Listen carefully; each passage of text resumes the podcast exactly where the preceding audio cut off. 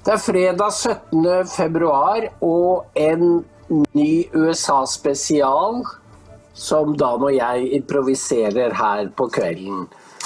Og da vil jeg gjerne begynne, Dan, i den eh, norske delen. Fordi eh, i går kveld så sendte NTB ut en sak om hva sentralbanksjef Ida Bakken Ida Wolden Bakke skulle si i sin første årstale. Og det var eh, om at eh, det grønne skiftet går altfor sent i Norge, og man må skru opp tempoet, ellers så kommer det til å straffe seg senere. Det er ganske bemerkelsesverdig at til og med Norges Bank skal involvere seg i det grønne skiftet. Fordi det er jo overalt. Fra parkeringsplassene i Eidsvoll til, til biltrafikken i Oslo, til eh, strømpriser. Det ligger jo bak de høye strømprisene. Og um, befolkningen tynes på alle bauger og kanter. Og så kommer det en unge jenta, jeg kaller henne det, for hun har sånn Flink pike, hun er veldig flink, men det er jo visse ting hun ikke tør å si. Hun turte ikke si at inflasjonen kom fra USA, og skyldes at Biden trykker penger som en full sjømann. Det turte hun ikke. Eh, men hun tør å piske nordmenn med det grønne skiftet. For det er, når det kommer til det grønne skiftet, så fins det ingen hemninger. Over til München, for der åpnet den årlige sikkerhetskonferansen. De samme folkene som er i Ikke helt de samme, men eh, noen av de samme som var i Davos, er nå på plass i München. F.eks. For, for en som Espen Barth Eide, så er det Fikk vi høre uh, fra Anders Tvegård at det er 17. gang han er der. 17 år har han altså vært valfartet til München. Og på disse 17 årene så har det skjedd store forandringer. Og den globale eliten er smeltet sammen. Den har nå fått noen svarte får. Russland og Iran var ikke invitert. Og det er en, en konflikt i globalismen.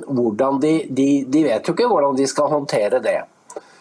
Eh, og det må jo Det må ettertiden vise hvordan Washington Hvordan denne konflikten oppsto, og, og um, om den var ønsket.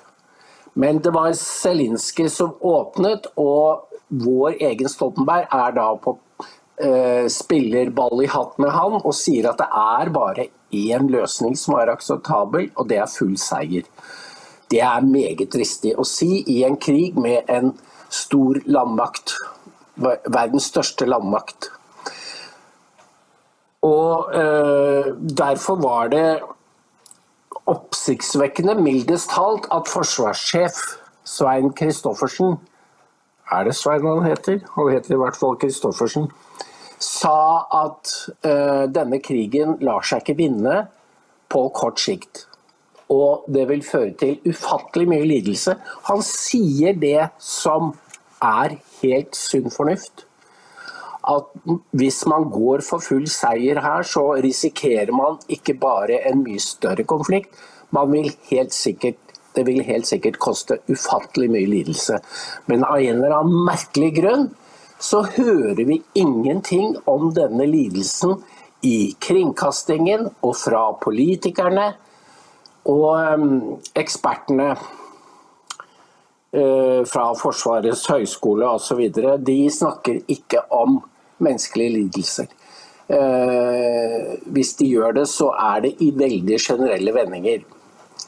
Jeg syns jo man må kunne si at uh, hvis det er slått ut 2000 stridsvogner, så er det en del mennesker som har gått, gått tapt og dødd under veldig Eh, smertefulle omstendigheter. Det gjelder selvsagt på begge sider. Men det å ikke snakke om lidelsene er for meg helt ubegripelig. Eh, Ja, eh, fordi eh, dette er München virker som det skal være et orkester som skal tromme sammen én, et vestlig svar på krigen. Men jeg har mine tvil. Jeg er ikke sikker på om det kommer til å fungere. Fordi eh, Vesten er ikke så sterk som den later som og aldeles ikke Biden-regimet. Der knaker det i sammenføyningene. Det hører ikke norsk publikum. De får ikke med seg at i går så var han til legeundersøkelse, og så kommer de tilbake og sier at alt er i orden, men det er det jo ikke. Det var uh, Mark Siegel, som er legen, uh, huslegen i Fox, han plukket jo denne Eh, friskmeldingen fra, seg, eh, fra hverandre og sa at dette er eh, Det er så mange ting de ikke svarer på. Joe Biden, speaking of, had the second physical of his presidency today. It was conducted at Walter Reed National Military Medical Center, as it's now called. According to the White House physician, the physical demonstrates that Joe Biden is, when we're quoting, a healthy, vigorous 80 year old male, which may seem a little bit like an oxymoron, but whatever. He has AFib, spinal arthritis, and a few other conditions. Apparently, he did not take, notably, a cognitive test.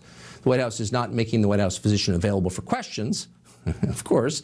But we have, thank heaven, Dr. Mark Siegel to assess. He joins us tonight. Doctor, thanks for coming on. What do you make of this? Tucker, you already got the key point, which is this physical exam is more significant for what it leaves out than what it actually tells us. And it tells us he's got allergies, he's got reflux, he's got spinal uh, stenosis in his spine, he has uh, arthritis in his spine.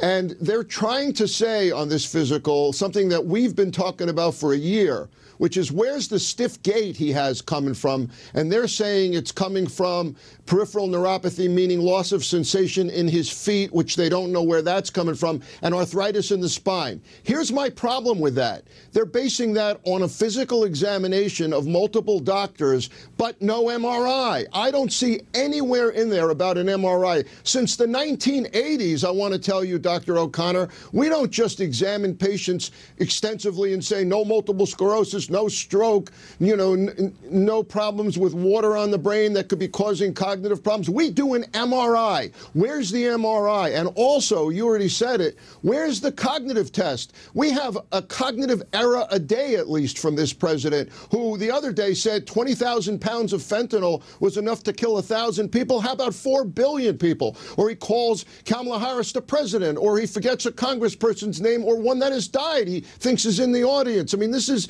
really extensive, and it's getting worse. His own son, who he named the cancer moonshot after, he says died in Iraq. This has got to be examined. And then, listen to this. A stiff gait is sometimes a sign of cognitive problems. An MRI, a cognitive test. Now, listen, Tucker, I know 80 year olds that are operating still. We know mm-hmm. 90 year olds who are amazing. But it's not about age, even though most Americans say he's too old to run again. I say it's about fitness, Tucker. Yeah, it's so obvious that it's insulting, really, to the to the rest of us. We appreciate uh, your expertise in analyzing these so-called results. Dr. Mark Siegel, thank you. Thanks, Tucker. Han er, eh, han er sterkt redusert til å, og en mann på 80 år som ene dagen fungerer, og i neste så er han helt uh, gaga. Kriminaliteten er, uh, florerer i USA, særlig i storbyene, og Tucker sier og dette får dere jo ikke høre i noen norske medier. Tucker sier dette er med hensikt. Fordi det er så mange ting i USA som er truende, som skjer samtidig at det ikke kan være tilfeldig. De begynner ikke å brenne eh, kyllingfarmer og matpenter eh, på rekke og rad eh, fordi det er høyst unormalt. Det samme gjelder da disse togavsporingene. Uh, sånn som i East Palestine i Ohio, og måten det håndteres på.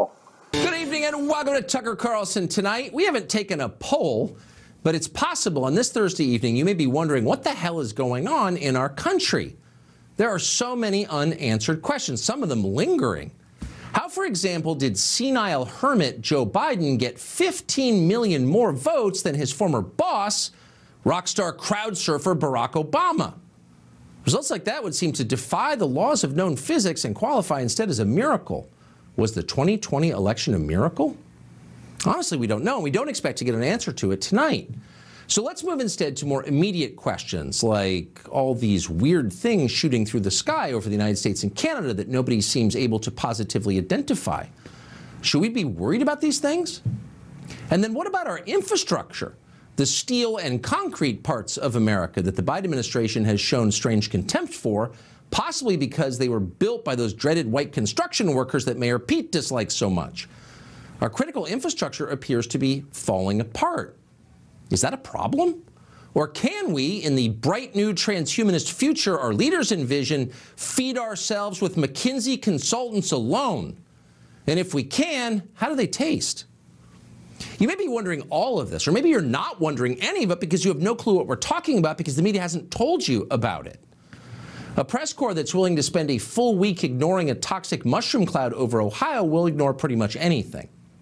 So in case you're not up to date, here's a partial recap of events. Last night, there was a massive and as yet unexplained fire at a plant nursery just south of Orlando. The fire burned more than two acres of plastic planters. Now, burning plastic releases a lot of bad chemicals, including dioxins, which you don't want, and that's why you don't do this in your fireplace.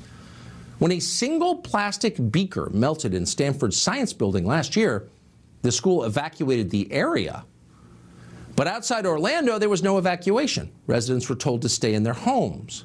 None of the environmentalists in the Biden administration, the people who claim ostentatiously to care about the environment, said anything about it.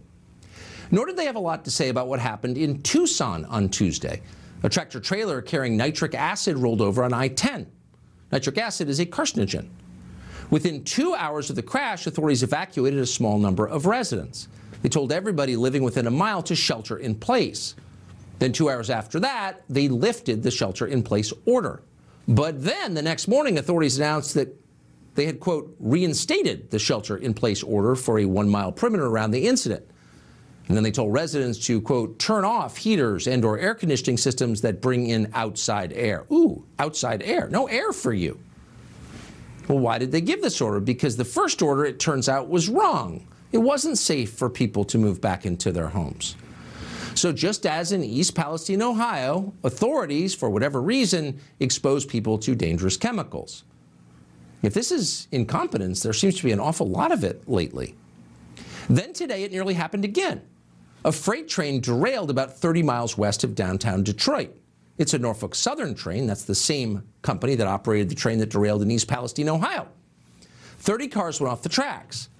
Fortunately, if the information that we are getting tonight is accurate, and we can't vouch that it is, the car containing liquid chlorine did not overturn, apparently.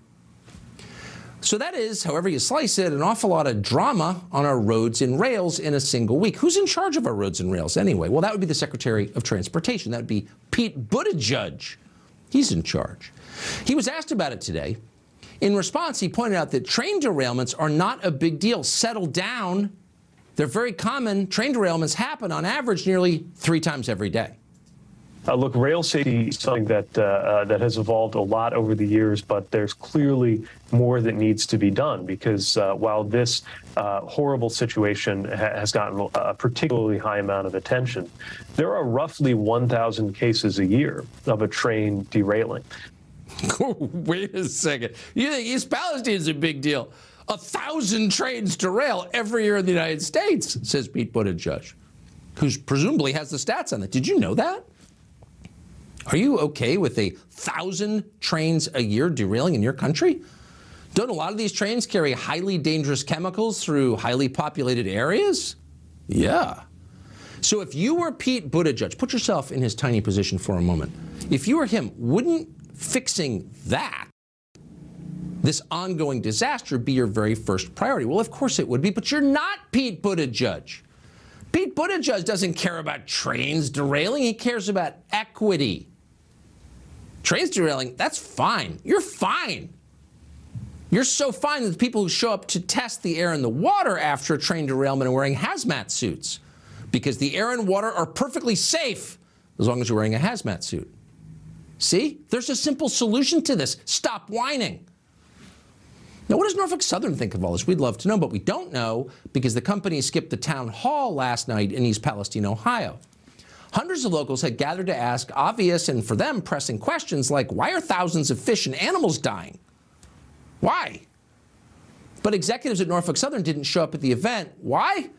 Because they were worried for their own safety. Why is the company not here? because they're scared for their safety. Hundreds of anxious residents packed a school gym here in East Palestine on Wednesday night, looking for answers almost two weeks after a huge train derailment released hazardous chemicals into their town, contaminating much of the surrounding area. But there were notable absences from the town hall meeting, including the rail operator, Norfolk Southern. Also not attending, Transportation Secretary Pete Buttigieg. The mayor says he's had limited contact with the White House, leaving folks here frustrated, angry, and complaining about a lack of information from the feds and Norfolk Southern. State officials and the EPA say the water and air are both safe, but residents here tell a different story. They say they've been getting sick, and so have their pets. It's so safe, we're not going there. Our oxygen tanks are empty. And by the way, there are elderly, low income people on crutches there. We don't feel safe around them. But from the perspective of the people who live in East Palestine, it looks a little different. You would think if you live in the United States and you send by force at gunpoint half of your annual pay to Washington, someone in Washington would care when your town is poisoned by a train derailment. Oh, but you thought wrong. Who do you think you are? Ukrainian? Nobody cares about you. Is this Kiev? No, it's Ohio. Shut up. Det er et sammenfall av omstendigheter. Det ene er branner i eh, kyllingfarmer og kjøttbedrifter. Noe annet er at plutselig eh, kyllingfôret ikke gir eh, noen eh, kyllinger. Altså hønene verper ikke kyllinger. Og så fort de får et annet fôr, så begynner de å verpe igjen. Og dette er jo da mistenker man jo at uh, dette er gjort med hensikt. Det er en stigende grad av mistenksomhet mot myndigheter og mot store, store selskaper. Big government og big corporations. Vi er, samme, vi er inne i samme utvikling her. Eh, Folk kan jo ikke helt sette fingeren på det, men eh, vaksinetvangen og eh, lockdown og munnbindtvang var utvilsomt med på å skape en uoverstigelig kløft mellom myndigheter og folket. Han heter Eirik Kristoffersen, forsvarssjefen. Og nå eh, tikket det inn en melding fra eh, NTB om at Norge også kan komme til å skyte ned ballonger. Og dette er med, akkurat som vi har vært plaget av det. Kan være aktuelt å skyte ned spionballonger i Norge, sier Bjørn Arild Gram, forsvarsministeren. Observert ballonger. Det er et eh, en, en, en drift mot hysteri. Det var droner, nå er det ballonger. Og de, de, mens de sier ikke at tre av disse ballongene, eller objektene som Biden skjøt ned, det var jo, det var jo, det var jo private, det var kommersielle eh, ballonger. Eller gjenstander oppe i himmelrommet som han skjøt ned. Det var jo ikke noen kinesiske spionballonger. Og de var ikke over USA under Trump. The Biden administration has other priorities, by the way, like shooting down $300 weather balloons with $400,000 missiles. And yes, apparently they did that. Joe Biden himself admitted it today. We don't yet know exactly what these three objects were, but nothing, nothing right now suggests they were related to China's spy balloon program or that they were surveillance vehicles from other, any other country. The intelligence community's current assessment is that these three objects were most likely balloons tied to private companies, recreation or research institutions studying weather or conducting other scientific research. That's the quote. Intelligence community, air quotes now required. That's the intelligence community's assessment. Oh, their kids sent a balloon up and We sent a sidewinder after it. Mission accomplished. A lot of questions that emanate quite naturally from that bewildering announcement, but Joe Biden didn't take any of them. He scampered off without taking questions. Begone, serfs! Like Norfolk Southern and Mayor Pete, Biden knows he doesn't have to answer the questions because what are you going to do about it? What are you going to do about it? Det var ikke under Trump, fordi dette var noe Biden-regimet satte ut for å kompromittere Trump. Men alle som har jobbet for Trump, sa vi har aldri hørt om det. Og det er hvis det var slik at det var ting som ble holdt utenfor øh, øh, øh, som, som de toppene, eh, sikkerhetstoppene ikke fikk vite, eh, så er det tjenesteforsømmelse av eh, første grad. Det er det ene. Men det andre er at hvor er bevisene? Da må de komme opp med noen bevis. Men det hadde de jo selvsagt ikke, for dette var bare dette var bare møkkaspredning, sånn som demokratene pleier å drive med. Og eh, Vi skal se litt på Fordi det er bemerkelsesverdig at Tucker kjører. Det er viktig når det skjer fra et primetime TV-program. USAs mest berømte, så sier Tucker folk er overlatt til seg sjøl. Myndighetene beskytter dem ikke. De er nødt for å ta loven i egne hender, sånn som det var før i det ville Vesten. Og han, skal, han gir flere eksempler på dette her. Um, vær så god, Dan. So when they're telling you that the two things you cannot have are guns and prayer, you know for a fact that those are the two things you need most. And we're seeing a lot of evidence of that lately. Abandoned by their government to a world politicians have intentionally made chaotic, Americans are protecting themselves. They have no choice. Here's one recent and inspiring example from the state of Arizona. If he hadn't had a gun, my gun never would have come out. Ever. That's all there is to it. Brian says it was around 5:15 Wednesday morning when the suspect walked into the Chevron where he works the graveyard shift. But I could hear him say, rob money, you know. So, but in all reality, he didn't need to say anything. The moment he pointed the gun at me, it was pretty obvious what he was there for. Suspect pointed the gun at Brian, but then Brian says he turned and pointed the weapon at a customer. Police confirm that's when Brian took action. When he turned around, the uh, clerk got out his own firearm and shot the suspect and was able to defend himself at that time. I'm supposed to relieve him, and I saw everything, and I go, "Oh my God!" But luckily, my uh, the other employee is okay. Had the suspect walked in 30 minutes later, Brian says his coworker would have been behind the register.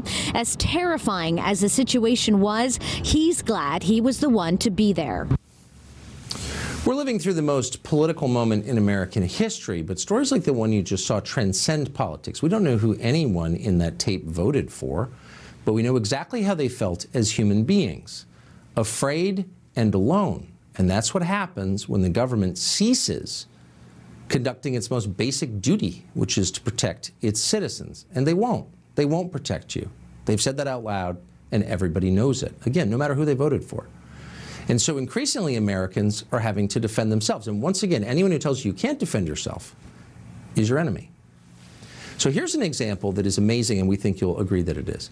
In Tampa last month, a woman called Nishali Alma was working out in her, her apartment complex's gym. And because she's a kind person, she let in a man who was trying to open the door. That man then attempted to rape her. You're seeing the footage on your screen right now. Now, Nishali Alma did not have a gun. She was in a gym, but she's extraordinarily tough, and she was able to fight off the man who was trying to rape her. His name is Xavier Thomas Jones. Thomas Jones was later arrested after he tried to rape another woman in the apartment complex. The resilience and the strength you see in that video is so inspiring and so perfectly captures the best part of America that we wanted to speak to Nishali Alma tonight, and she was gracious enough to agree. She joins us now. Nishali, thank you so much for coming on. Uh, you, anyone who watches that video, and again, it's not a political point, but just has to stand back in awe at your ferocity. What? How did you summon this? So this man is bigger than you, and he's totally determined to hurt you, and you literally fought him off. What? What were you thinking?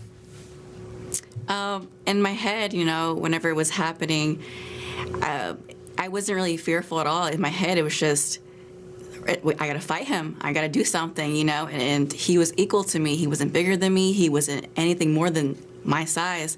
And I kind of took that to my advantage to my own head, and I fought him.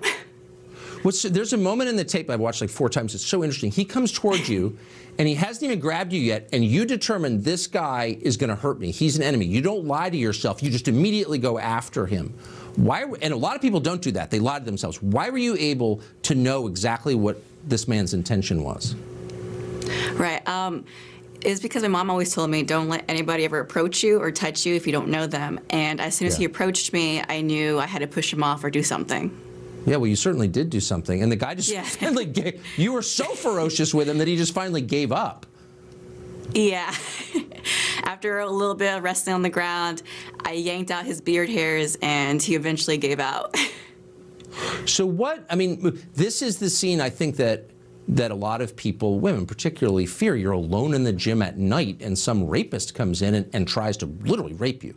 What advice, having lived through it, would you give people watching? Um, you know, like I said, some people forget their key fob and they do let people in um, for their kindness of their hearts, but al- always be cautious, always watch your back. And if you're ever in that situation, fight back. Amen. Amen. Fight back. That is. It's just wonderful. But thank you for what you did, and congratulations on Thank you. succeeding. Det ene er jo han som var eh, bens, eh, betjent på en bensinstasjon. Og eh, så kommer det jo inn en og, og eh, lager kvalm. Og eh, har våpen med seg, og han bak disken blir nødt for å bruke våpenet og skyte vedkommende. Det er sånn som du gjør i USA, for de har vokst opp med en våpenkultur. Og det er ingen som sier noe på det, fordi det er selvforsvar. Og det andre er altså ei jente som er på en, en gym. Og så er det en som banker på døra, så slipper hun inn vedkommende, og han prøver å voldta. Og så tar hun igjen. Det er sånn man skal gjøre. Vi hører ikke noe om dette her i norske medier, at vi skal ta igjen. Tvert imot. Eh, Oslo, eller norsk politi har jo flere ganger sagt ikke ta igjen. Og det er jo helt hårreisende å si noe sånt. Og stikk i strid med borgerens sunne interesser. Eh, Jeg har eh, Mange av dere vil jo ha vokst opp med Dirty Harry. Og han kommer til heder og verdighet igjen når forholdene blir sånn som de er i USA i dag. Vi skal spille et uh, treminuttersklipp fra Dirty Harry 4, som eh, det, sikkert noen av dere vil dra kjenne. det.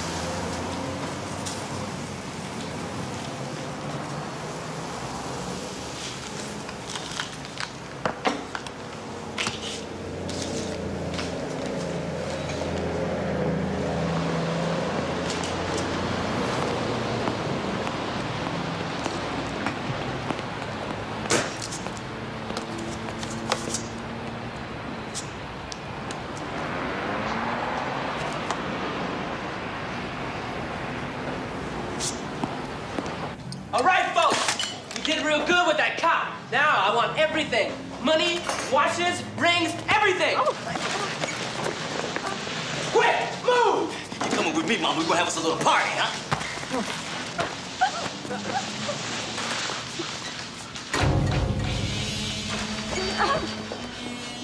What you doing, you pighead sucker? Every day for the last 10 years, Loretta there has been giving me a large black coffee. Today, she gives me a large black coffee, only it's got sugar in it. A lot of sugar. I just came back to complain. Now, you boys put those guns down. Say what? Whoa. We're not just gonna let you walk out of here.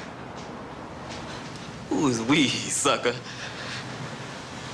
Smith and Wesson and me.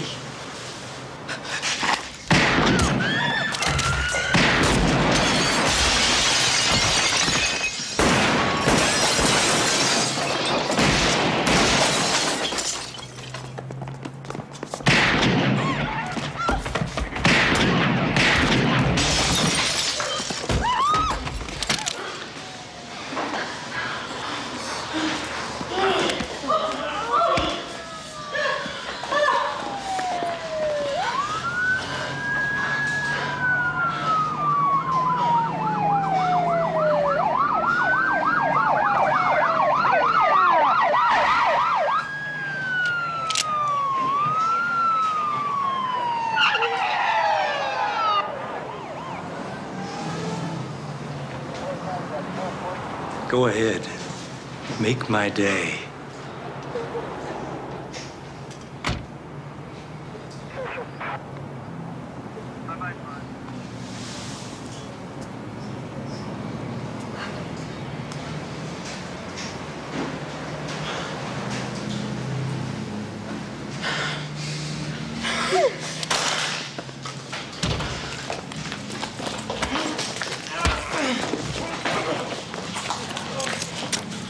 D. Ambrosian, the DA's office. Ask if coffee is psychic. Kjære seer. Hvis alle 5000 seerne som ser på, vippser 10 kroner, sikrer dere Dokk-TV-budsjettet i en halv måned. Om alle 5000 seerne vippser 20 kroner, sikrer dere Dokk-TV i én måned. Så lenge vi jobber sammen og alle bidrar, om så bare litt, så kommer vi en lang vei. Det hviler på oss, altså på deg og meg, å sørge for at sannheten kommer fram. Og at Document bevarer sin rolle som det medier egentlig skal være, en vaktbikkje. Uten dere så klarer ikke vi det. Og uten oss så sitter dere igjen med medier som løper myndighetenes ærend. Vips til 638941. 638941. Fordi ditt bidrag gjør en enorm forskjell. Det er en grunn til at Dirty Harry, til at eh, Clint Eastwood er blitt udødelig. Eh, Fordi alle, ingen samfunn klarer seg uten den type mannfolk som ordner opp når behovene er der. Og vi er der nå, og har vært der ganske lenge. Så amerikanerne har noen reflekser på hva de trenger når tidene blir usikre, og det er ikke Biden og demokratene som har den medisinen. De har aldri opplevd en så radikal, ekstrem politikk som det Biden har ført. Han er den verste president ever. Og grunnen til at vi ikke hører noe om den i i norske medier, er jo fordi at de ønsker ikke at publikum skal få vite hvor ekstrem, ekstreme demokratene er. Fordi det kan føre til et backlash. Det kan føre til at seerne, leserne, gjennomskuer det prosjektet de holder på å tre ned over hodene på norske borgere. Og er et stort spill, faktisk, eh, mellom eh, på begge sider av Atlanteren som går ut på å dupere borgerne så de ikke forstår at det er en ny samfunnsklasse, en ny elite som griper makta. Og de anser demokratiet for å være en hemsko. Så de prøver å eh, De har allerede løsrevet seg fra demokratiet. Og hvordan dette skjer altså med en Arbeiderparti-regjering. Og hva det vil føre til, er jo ikke godt å si, fordi det er, det er så langt utenfor alle parametere for norsk politikk at, vi, eh, at de fleste jo eh, Tanken stopper. Klarer ikke forfølge Den klarer ikke gå så langt som det Vedum og Støre nå jo, gjør. Så bare denne uka så har de jo sagt nei til å senke momsen på strøm. Og eh, det er som om hver gang folk kommer opp til dem for å si ja, men kan vi ikke, nå må, vi, nå må dere skjønne, nå må vi gjøre sånn og sånn, så får du et slag i ansiktet. Det er, det, det er sånn de svarer. Og da eh, Da lurer du på hva blir utgangen på dette her. Og nå har vi hatt Nordstrøm 1 og 2, som er blitt eh, Det skal jeg snakke med Alf om i morgen. Som har vakt oppmerksomhet over hele verden, men ikke i Norge. For her vil ikke mediene og politikerne snakke om det. Så nå er forsvarsministeren og flere andre ministre i München, men de vil ikke snakke om at Norge var med å sprenge. Kanskje var med å sprenge gassledningen til Tyskland, det landet de oppholder seg i. Dette er en så stor historie at den ikke lar seg feie under teppet. Og denne uken var det en parlamentariker i EU som stilte spørsmål akkurat om det. Og eh, hun nevnte eksplisitt Norge. Så hvis vi tror at denne historien kommer til å forsvinne stille og rolig, så tar vi helt feil. Eh, Det er nesten utrolig at det er bare dokument som har satt søkelyset på den. Jeg ringte opp eh, Rødts stortingsgruppe i dag for å stille spørsmål om de kom til å reise spørsmål i spørretimen på samme måte som denne E- EU-parlamentarikeren gjorde. Ja, jo, ja, de skulle se på det. Eh, De hadde, ja, det var kanskje ikke alt som stemte, da, for det var kanskje uklarhet om flyet. Så eh, ja, jeg sa det spiller ingen rolle hva slags flytype det var, hvis de var med å sprenge ledningen. Og da er det Hvilken planet er de på? Det kan vi spørre om. Jeg har eh, Jeg vil avslutte med Nei, jeg skal bare gi et nok ek ek eksempel. Det er en mor i New Jersey som tok opp at barna deres Barna hennes ble indoktrinert i kritisk raseteori og kjønnsforvirring. Hun vil ikke ha noe av det og uttalte seg på Facebook. Da blir hun oppringt av en offiser i eh, en militærforligning militærforlegning i nærheten og bedt om å holde opp med å, si sånne ting offentlig. Og eh, Tucker spør hvordan gikk dette egentlig. Jo, det hele, hele leiren var egentlig på henne senere for å få henne til å holde opp. Back in December, we told you about a mother in New Jersey called Angela Redding.